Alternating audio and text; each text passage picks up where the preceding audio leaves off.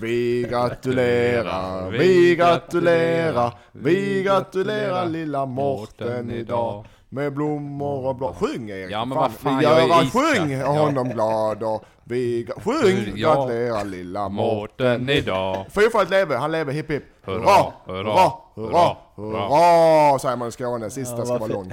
Ja, grattis Mårten.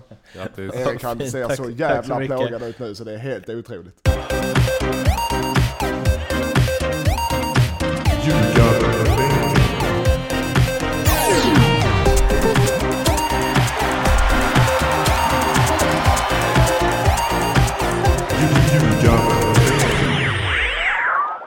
Ljugarbänken är tillbaka andra gången på kort, kort tid. Det här är avsnitt 104 av NordicBets podcast om den svenska fotbollen.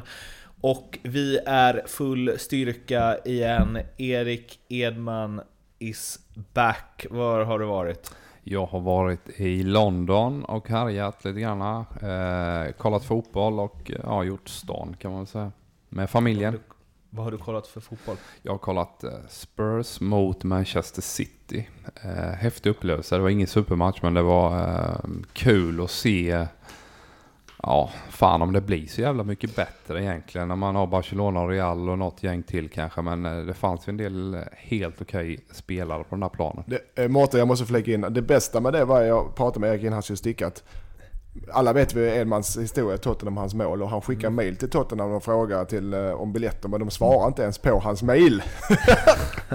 så han fick gå som en vanlig dödlig till någon resebyrå och köpa biljetter där. Ja, jag tänkte precis fråga om du fick VIP-behandling, men alltså det fick du inte. Nej, fy fan vad bitter jag har varit på det kan jag säga. Alltså, att man inte ens kan skaka fram en eh, biljett till sig själv och sin grabb liksom. Det, jag blir riktigt jävla irriterad.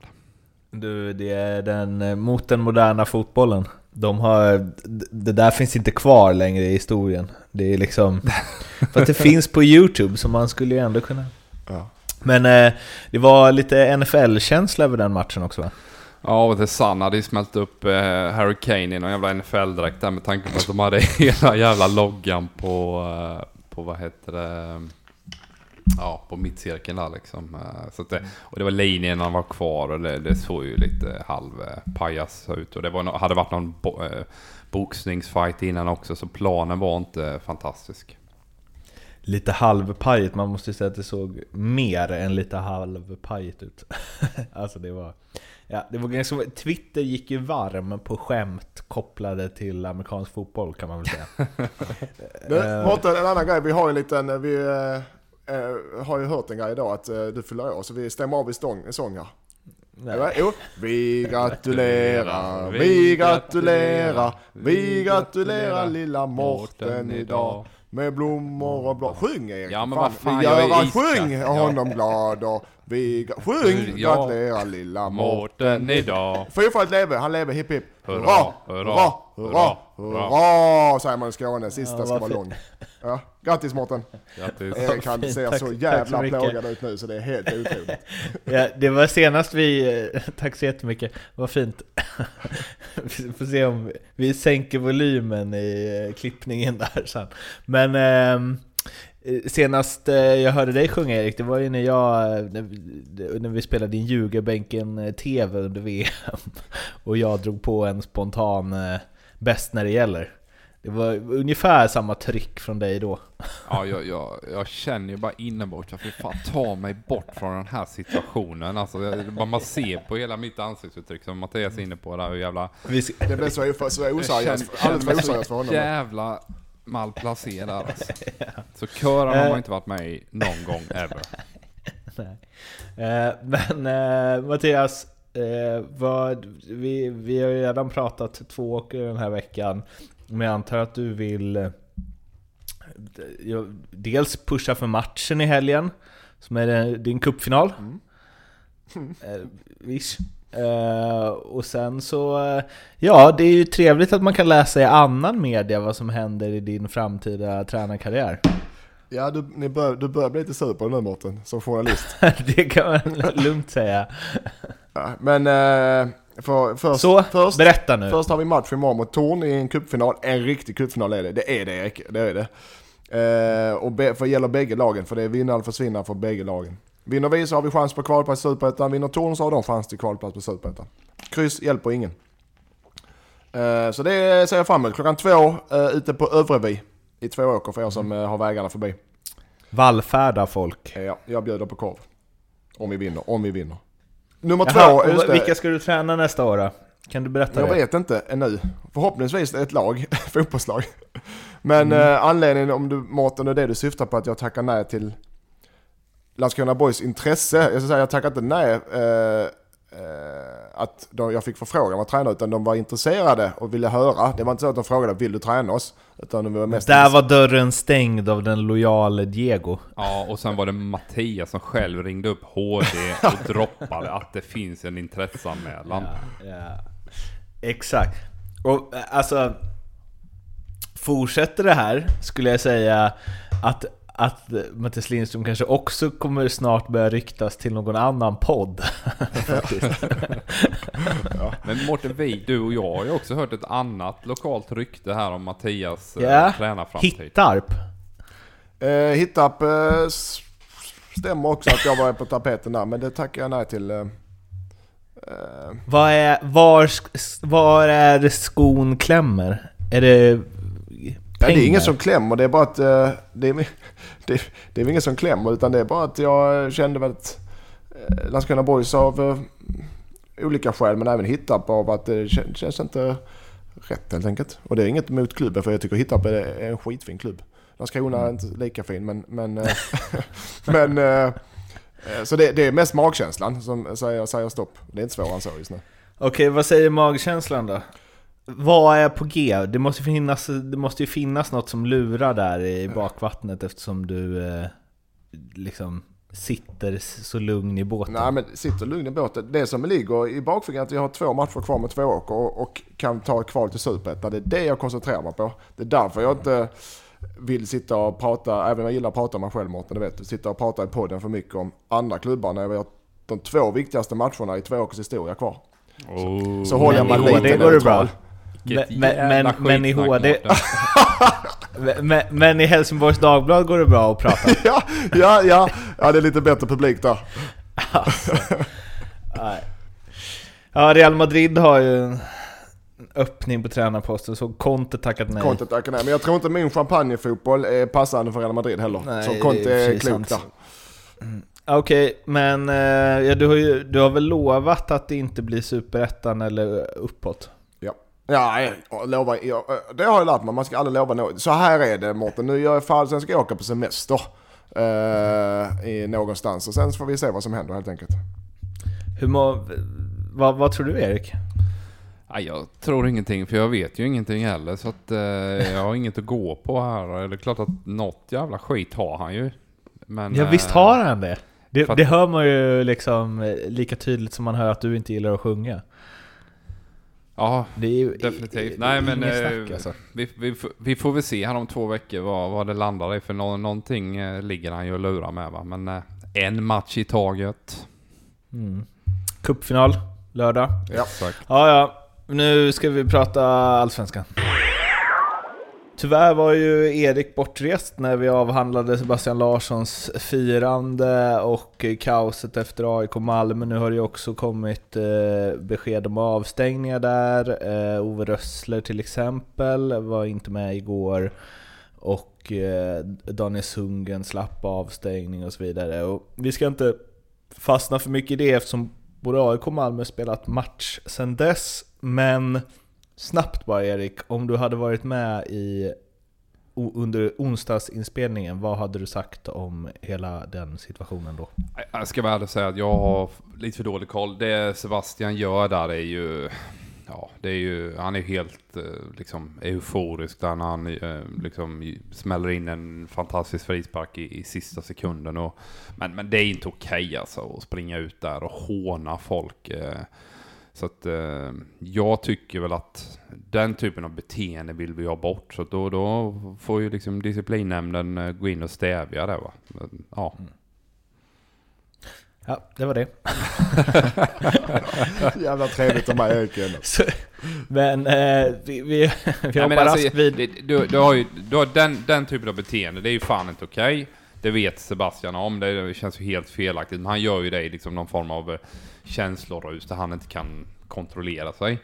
Eh, men med det sagt så, så ska det ändå resultera i avstängning, för det, så gör man inte. Sen har du det här med de här Alltså man ser det varenda jävla match nu när ett lag leder, att folk får kramp och man ligger ner så fort du får lite smäll. Alltså den grejen har vi diskuterat, ta med fan varenda jävla avsnitt i, i, i podden här. Och det är någonting som man definitivt behöver sätta sig ner och, och prata ihop sig om eh, på förbundet. Hur kommer vi till rätta med det här med simuleringar hela tiden? För det är en ännu större fråga för mig. AIK hade ju, jag tror det här var i inledningen av Allsvenskan, eh, hade ju de, om det var tre matcher i rad, ja, nu, nu, jag höftar lite här, men så hade ju de spelarbrott på grund av skador på egna spelarna.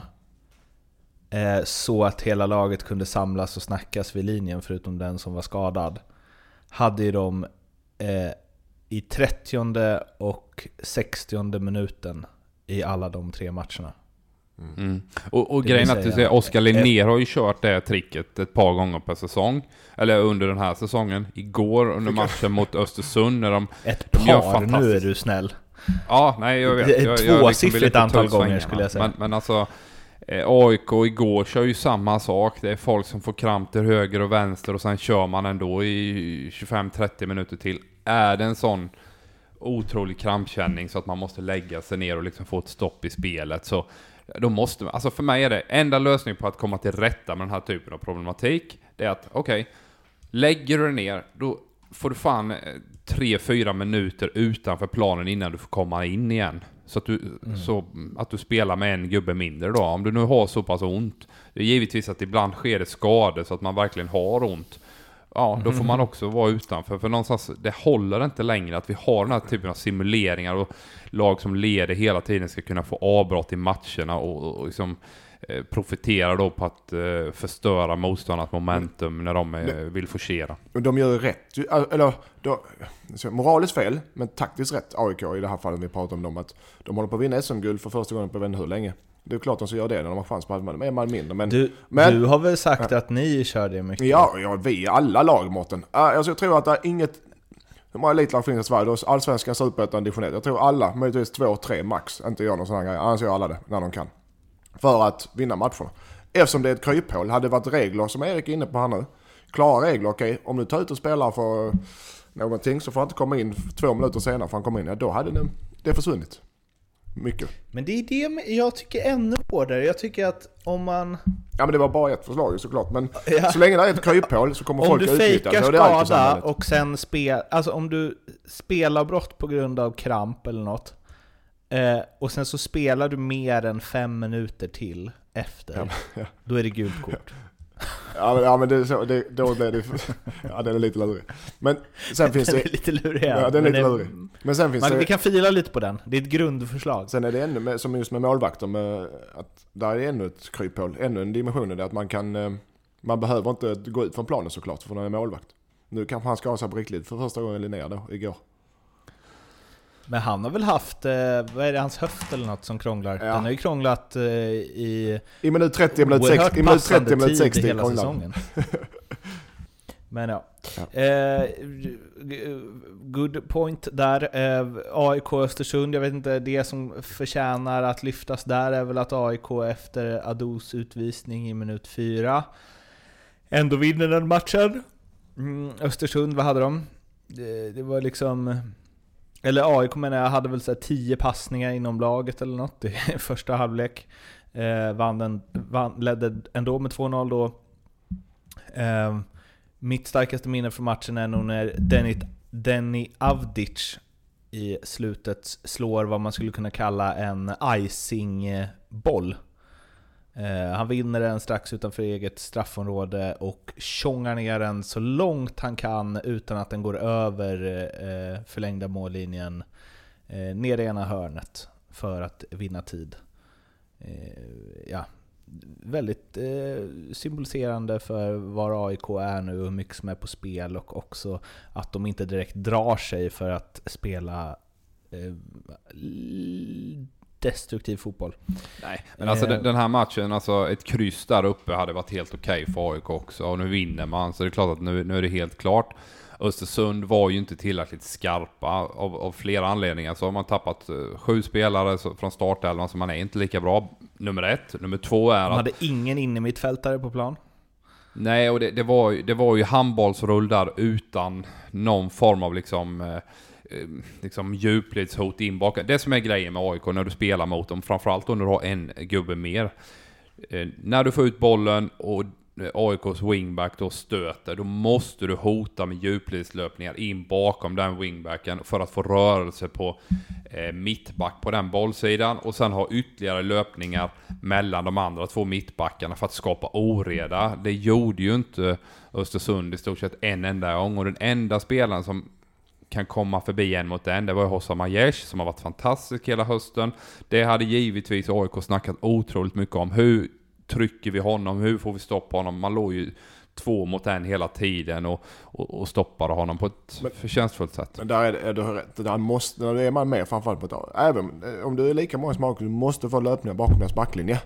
För att kunna skapa chans. Annars får de inte, behöver, kan de bara stå i sina block och där är de bäst i Sverige utan tvekan.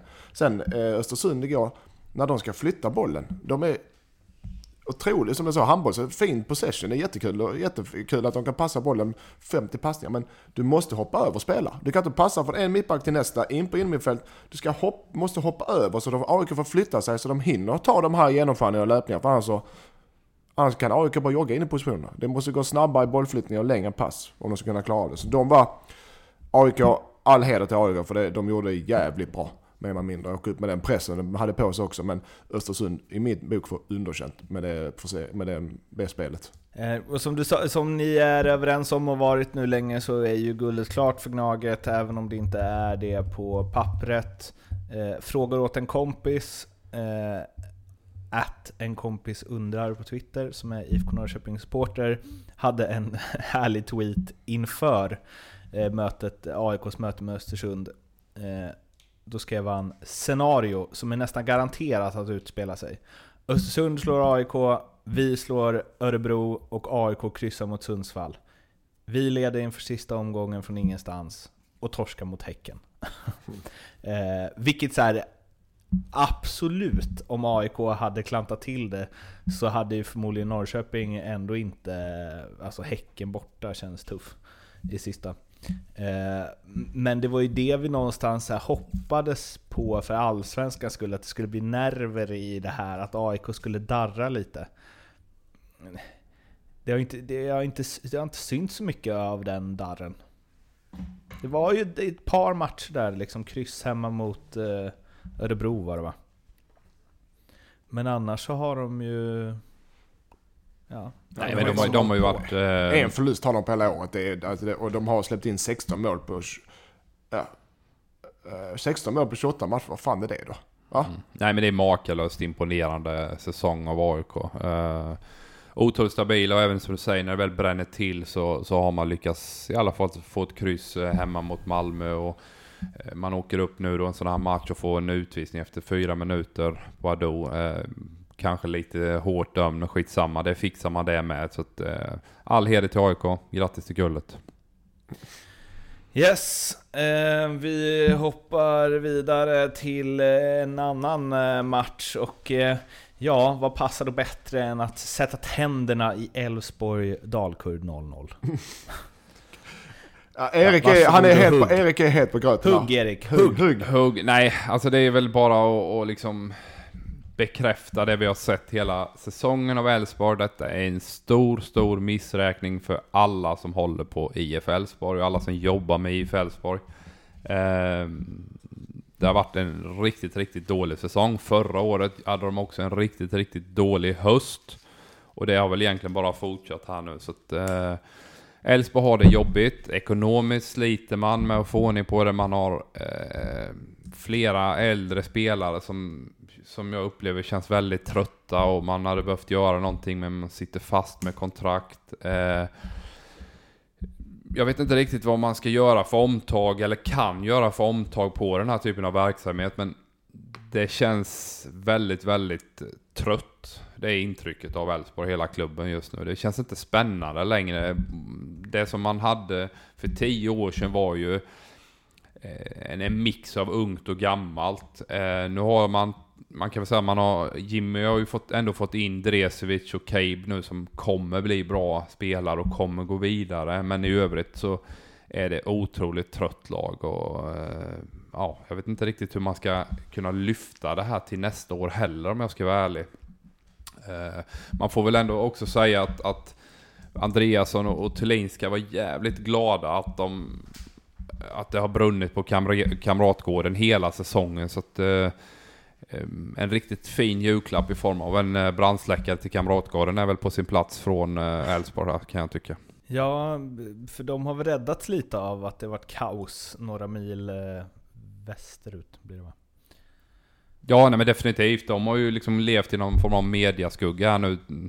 Eh, trots då sin svaga säsong. Och inte ens den här fyllekörningen från Lundevall eh, blev ju någon grej. Där måste jag ändå hylla Elfsborg faktiskt. Där skötte man det fantastiskt bra. Man gick själva ut och styrde mediaflödet, eller det som kom ut. Man gick ut och var proaktiva istället för att gömma den händelsen.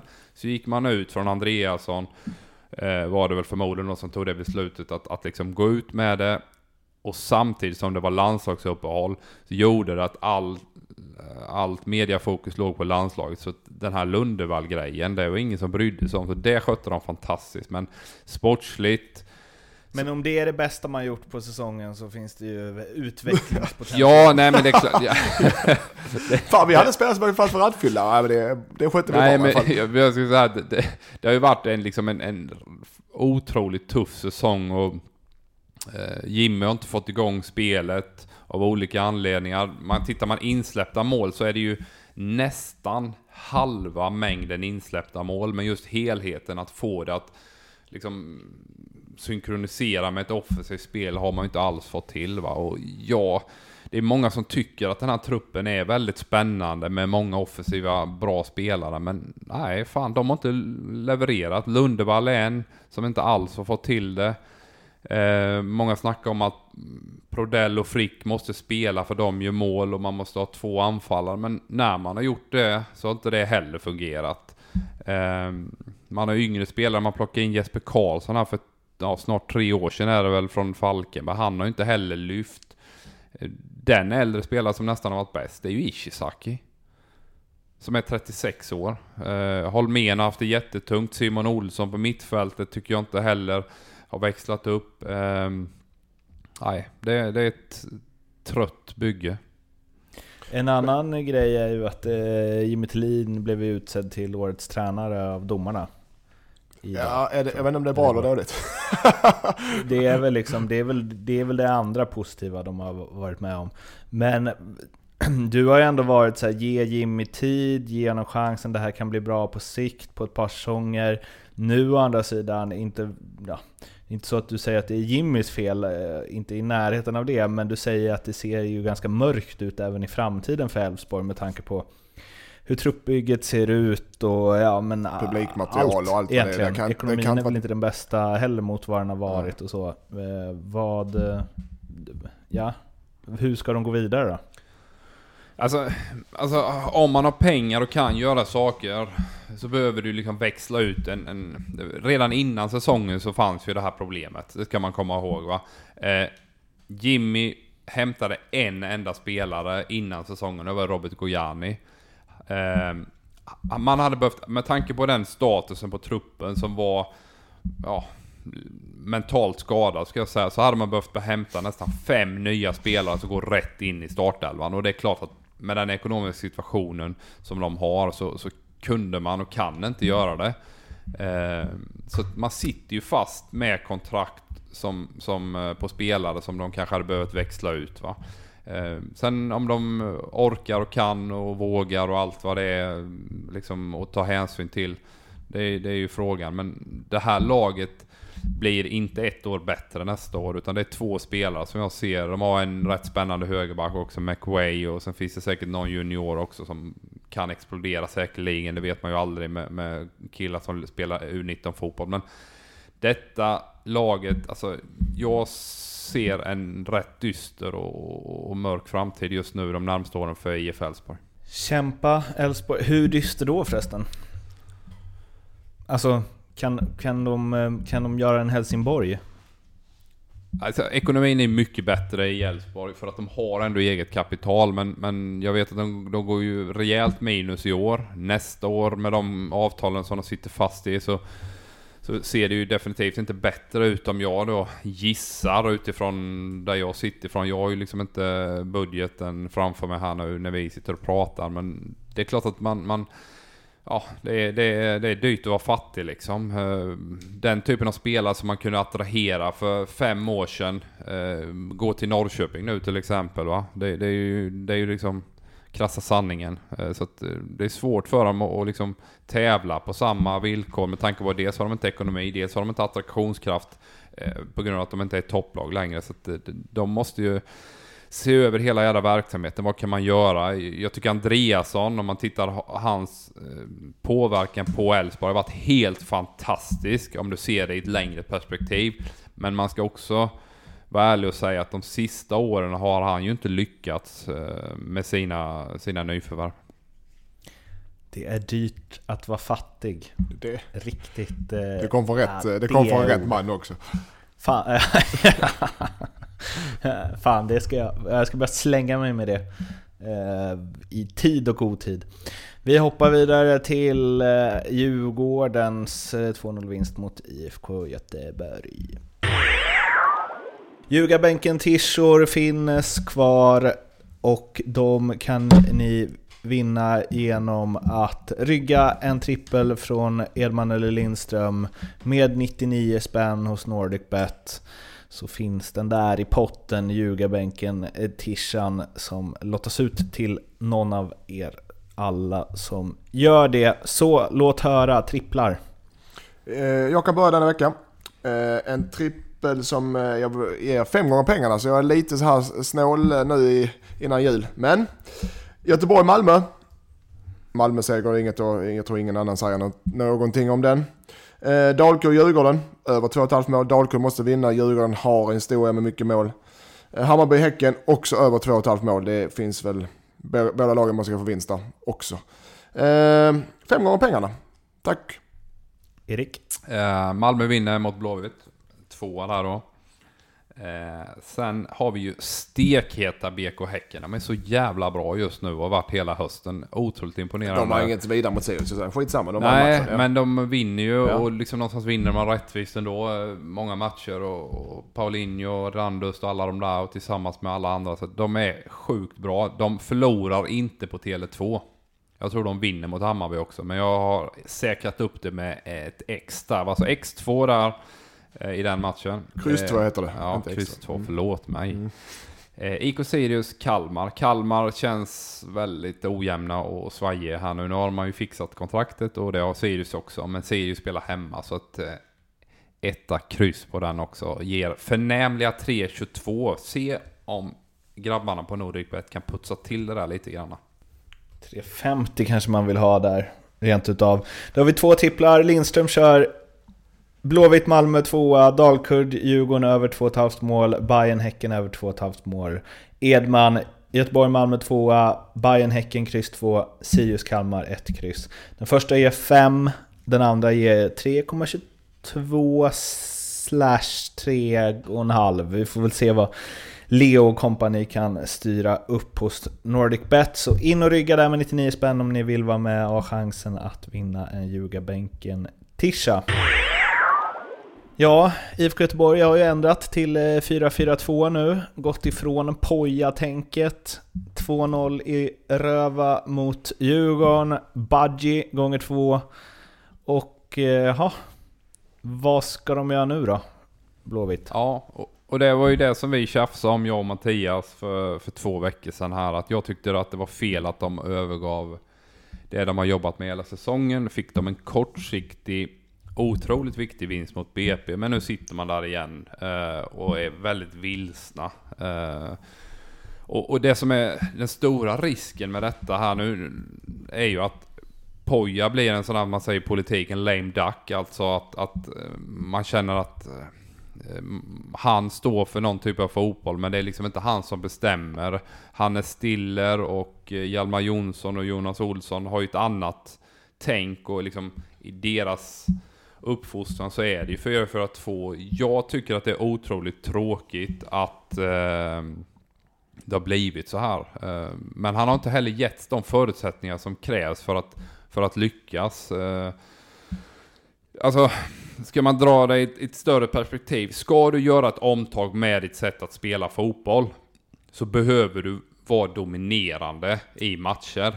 Man har inte spelare för att klara av det och då kommer man hela tiden att bli kortsiktiga. Tar man Östersund som exempel, när de började göra sin satsning för sju år sedan är det kanske nu. Så, var man, i varje serie man låg i så var man det bästa laget. Och det gjorde också att, att man fick ett förtroende för, för Potters sätt att jobba. Och sen byggde man det vidare, vidare, vidare. Och till slut när man då sen klavrar sig upp till Allsvenskan så är man så jäkla inkörda med det sättet att spela. Så att det funkade där också. I, i Blåvitts fall så, så handlar det om att där har ju Poja velat göra saker. Jag tror att Poya Asbaghi är en för jävla bra fotbollstränare. Men han har satt sig i en helt omöjlig situation. Där det såg faktiskt helt okej okay ut utifrån förutsättningarna i våras. Sen släpper man ytterligare spelare, man tar in de här lånelösningarna. Så att jag, jag blir liksom... Man blir ju bara matt va. Eh, Erlingmark får inte spela som jag tycker ändå är någon form av liksom blåvit kille i grund och botten och har gjort det bra. Istället väljer man andra lösningar. Eh, så, att, så att för Poja har det varit, eh, ja, mer eller mindre mission impossible här. Så vad, jaha, vad ska han... Men, men det, det, så här känner, jag känner att Poja... Ska Poja bort Poja fick, fick sparken samtidigt som Gren. Ungefär så känns det för mig. Att okej, okay, vi gör så här. Uh, hur fan de nu sydde ihop den här historien, det vill jag inte ens veta. Men det känns som att han fasas ut. Som, du har triangeln där med Jonas och Stille och, och Hjalmar. Och så har du Poja som kanske inte känner sig bekväm med de här, eh, så som de tänker och ser framtiden nu i Göteborg. Och då blir det att ja, det är han som fasas ut där, försiktigt. Så tror jag Så det, det, det du säger är att du tror inte att Poja tränar Blåvitt nästa år? Men jag tror han tränar fram till sommaren. Vad tror du Erik? Jag hoppas att han är kvar och att man har det tålamodet som man eh, tjat, tjatar om. Eh, liksom, och att man... Alltså det, det, det, jag menar med det här lame duck-uttrycket, det är att alltså, så, så fort nu då eh, säsongen är slut och man, man är klara med den, vad ska man göra då? Ska man gå tillbaka till Pojas sätt att spela?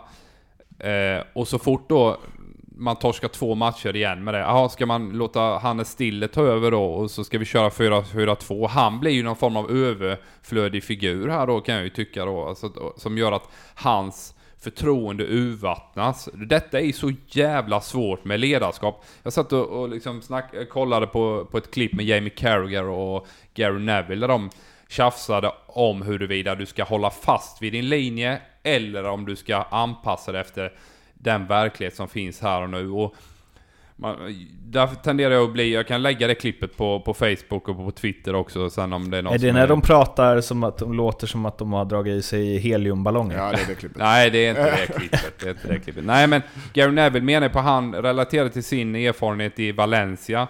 Där han ville då bygga bakifrån och jobba med de bitarna. Sen kom inte segrarna. Och så blev han lite osäker och liksom drog det lite längre. Men sen när då inte segrarna kommer på det heller va. Helt plötsligt är du vilsen då. Och det är ju det som ofta blir i en spelartrupp också då. Spelarna känner själva, fan tränaren vet ju inte själv vad han vill här. Mm. Och så ser man det på, på, på spelet ute på planen och så tycker spelarna vi har ju ingen spelidé va. Och kontra då med Carragher menar på att man ska anpassa sig, man måste liksom förstå var man är någonstans.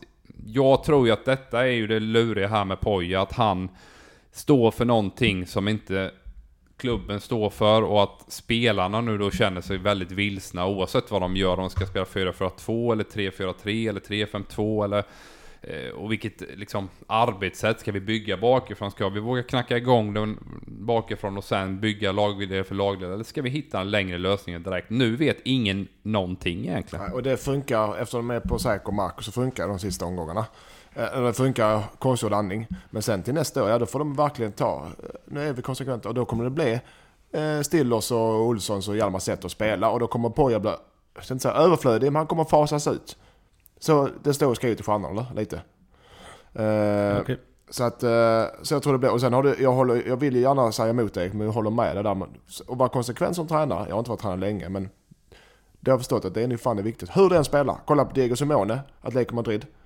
Hur konsekvent han är i sitt jävla... Det beror på, man kan tycka om man vill om hans fotboll, men han är definitivt konsekvent. Vilka spelare han än har. Han varvar spelare för sitt sätt att spela. Och han spelar med eh, konsekvent i fem, femte året i sträck nu. Du har Barcelona som är konsekvent i det. Så som de spelar oavsett tränare. Och så att det har lite till klubb och klubb att göra och tränare och tränare. Poja ska, jag tycker också han ska varit konsekvent i det han gjorde. Ja, så här i efterhand. Så här i efterhand. Fast man förlorar. Men det är fan inte lätt. Nu, Nej, det blåser, det blåser supportrar, det blåser styrelse, det blåser spelare, det blåser uh, ledarstab. Och då ska du stå där själv. Ja, nej, jag står högst av alla här och kör vidare. Fast jag förlorar varje match. Det är nog jäkla inte lätt alltså. Nej, det- det, säger jag inte Mattias att Nej, det är jag- lätt. nej, Nej, nej, nej. det är skitsvårt och definitivt ännu svårare med den typen av föreningsklimat vi har i Sverige. Nu ska inte jag komma dragandes med 51%-regeln att den ska eh, liksom uppluckras och vi ska förändra den, för då åker jag på sån jävla Twitterstorm och hat här nu. Men det blir för många kockar som är med och petar i soppan här, så till slut smakar det ta med fan diskvatten. Ska sägas också med den Fast å andra sidan så det är ju inte så att eh, de klubbar som ägs av en person, eller ja, så. Det är inte så att de inte sparkar tränare. Nej, men det, alltså- blir, det finns en... Nej, och det, det finns hundra exempel på usla lösningar där också. Det kommer in en galen thailändare och bara kör liksom, absolut. Men det, det, det är en tydligare hierarki och det är inte... Jag säger inte att vi behöver förändra liksom 51%-regeln, men vi behöver förändra vårt, eh, liksom, hur fungerar en svensk elitförening då? För vi vill hålla kvar vid, vid, vid liksom, eh, eh, strukturen som liksom grundades för över hundra år sedan. Men vi vill samtidigt vara mer professionella med vårt sätt att driva föreningen. Va? Och det liksom synkar inte någonstans. Och, och liksom, idag är det Lyssnar man på, man vill, man vill, dels vill man ha med supportrarna, att de ska vara delaktiga och känna engagemang. Samtidigt så vill man ju inte släppa in dem och, och, och få påverka som det sker i många föreningar. Vi hade Blåvitts exempel nu med Wiseman som, som liksom eh, surrar med gren titt som tätt. AIKs firma och olika falanger som ska vara med och påverka liksom, det går ju inte. Vad fan, vi har ju en, en regering som, som inte ens kan, kan komma överens om hur vi ska styra Sverige. Det är samma i klubbarna vill jag hävda, att vi, det är för mycket jävla politik som gör att vi, vi blir så otydliga och den här utvecklingsprocessen stannar upp. Så vi kommer ju för fan ingenstans och när man inte kommer framåt så åker man fan bakåt. Många bra sägningar idag alltså. Ja, det är jäklar alltså. Det är dyrt att vara fattig och åker man inte framåt så åker man fan bakåt och så vidare. Eh, fasen, eh, det, nu skulle jag ju säga någonting om eh, det här som jag glömde bort. Typiskt. Ja, jag kanske kommer tillbaks med, i nästa avsnitt med en, en smart eh, återkoppling på det du precis sa Erik. Vi ska eh, snacka lite eh, intressanta spelare i eh, bottenlagen och vad de kan ta vägen nästa år. Intressanta spelare i bottenlagen och kanske även i toppen av Superettan som skulle kunna hamna i andra allsvenska lag nästa säsong. Fick en lista här innan där ni plockat ut lite från Dalkurd, Trelleborg, BP. Eh, Dalkurd, Henrik Lövqvist, Simon Strand, Adam Ståhl, Trelleborg, Marco Johansson, Alexander Blomqvist, Felix Högberg och BP Jack Lane e- och Erik Omondi. Om ni bara vill ja, ta för er här och, och eh, placera ut dem i andra klubbar. Eh, om man tar Dalkurd först där så, eh, så är väl för mig den som är det mest intressanta här är väl Simon Strand då. Eh, wingback, ytterback som eh, är snabb, eh, högerfotad och definitivt en allsvensk eh, wingback i till exempel ett lag som eh, Örebro eller något sånt här kan jag tänka mig att han eh, hade gjort det väldigt bra. Eh, Lövqvist ja, lite mer svårplacerad tycker jag. Alltså en rörlig inneback, en bra huvudspelare, men är ju bäst i en trebackslinje. Kanske ja, någon form av Sirius eller något sånt här. Adam Ståhl, ja. Utvecklingsbar som kanske mår bäst av att spela i Superettan ett år till om man ska vara ärlig där. Eh, Thomas, Spelar, Dalkurd i Superettan? Ja det får vi se. Trelleborg, Marco Eh, Johansson, men det- Alexander det- Blomqvist, Fredrik Ja men det är Felix klart att Marco Hörberg. Johansson är jättespännande. Eh, han har fått ett år nu i Allsvenskan. Han har varit upp och ner. Han hade ju, ska man vara ärlig, så, så, så för att eh, Trelleborg ska hänga kvar här nu så hade då han varit, be, behövt vara outstanding mer eller mindre. Och det har han inte varit. Han har gjort misstag. Men, Men var, var, en sån som Marco Johansson, var ska... För att vi pratar större klubbar, vi pratar, ta bort AIK, Hammarby, eh, Malmö. De, de klubbarna behöver ingen ny målvakt, så jag kan säga då. Nej och ofta Men- så satsar man ju inte på en Nej. ung kille heller. Nej precis, du vågar inte, du vågar inte chans. Men var ska en sån, var ska en sån spelare som Marco, vilken klubb har han passat till? Nej men ta... Blåvitt. Ja men Blåvitt ja, Ja. skitbra exempel. Eh, han hade ju eh, definitivt gjort det bra där och, och blivit ett år äldre då med den erfarenheten han har. Så Blåvitt är vä- väl superbra. Vågar honom. Blåvitt ta in en sån målvakt? De har kanske inte så mycket att välja på. Elfsborg Och framförallt, han tillhör väl Malmö? Ja, men jag vet att Malmö har Vilken en jävla massa sån... målvakter eh, på. Vilken klubb som är störst markering. Äh, vill ni låna vår eh, tredje målvakt Ja, eller? men så, så den verkligheten kanske det till och med är. Mal Malmö kommer inte intresserad av honom och han, ja, intresserad är det, men han kommer inte spela en sekund där. Eh, så att eh, det, det är väl den uh, hierarkin som är nu i svensk fotboll. Om vi, om vi hoppar vidare där på ex-MFF-are, Alexander Blomqvist, Felix Hörberg. Ja, men där, där är för mig Felix Hörberg är ju mm, 99 va. Eh, han är jag jäkligt förtjust i och skulle inte förvåna mig om han landar i, i Norrköping till exempel. Eh, jättespännande spelare som kommer bli en riktigt bra allsvensk spelare. Sen om det blir ännu mer, det, det får vi se. Men han har tagit stora kliv och är ju ja, otroligt eh, bra redan nu för sin ålder. En spelare till som jag glömde där. Som de plockade in från Olympic, som har varit på lån i Olympic i division 2. Isak Jönsson, den här killen med, med frissan där med... Det är ju no nonsense där, som en bra försvarsspelare. Men, men det, det, det, han är säkert också intressant på sikt att kunna gå vidare. Men det kanske är att Superettan är ett rätt bra alternativ för honom nästa år. Då. Han har ju en aura som... Liksom, Ja. här kommer ingen förbi. Ehm, om vi hoppar vidare till BP. Ja, det är ju ofrånkomligt förstås, Jack Lane. Ja, eh, visade ju Han- nu mot Norrköping vad han kan liksom ställa till med för oreda så att säga och är ju med sin snabbhet otroligt intressant. Eh, Han ju har där... också sagt att han inte kommer till... Han inte kommer spela i någon annan Stockholmsklubb.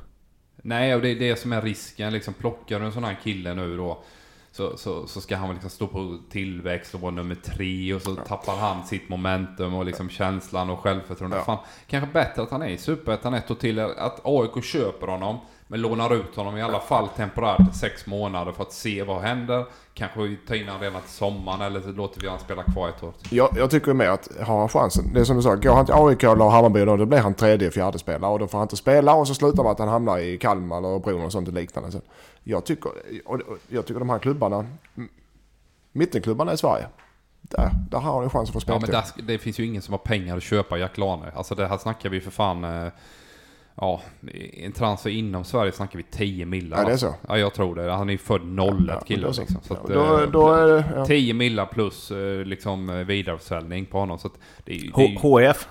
ja, Ja, ja. exakt. De behöver sig unga spelare men de har ju... Granqvist. pengarna, så- Kör honom mot Granqvist har Timossi pengar. Han, du menar att han har pengar? han kan köpa honom. Det hade blivit en snabb forwardsduo. Och eh, om vi tittar neråt i Superettan eh, finns det ju en del intressanta namn. Eh, per Cederqvist.